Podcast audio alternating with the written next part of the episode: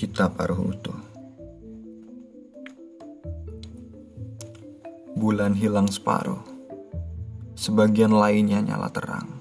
Seperti api di dadaku. Yang kau coba padam berulang-ulang.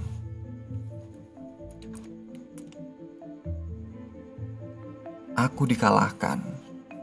Namun bukan berarti telah mati.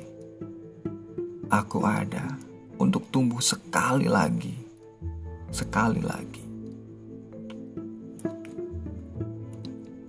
Di hari baik, ketika sekali lagi kau digagalkan laki-laki, dengan tetes air mata, kau coba hidupkan api itu, api kita. Dirimu lautan, memuntahkan segala di tepi pantai. Diriku kegelapan menelan semuanya. Aku akan menggenggam tanganmu, membaca takdir kita di buku-buku jarimu. Kau ikut melihatnya dari hitam mataku, tempat masa depan jauh menunggu.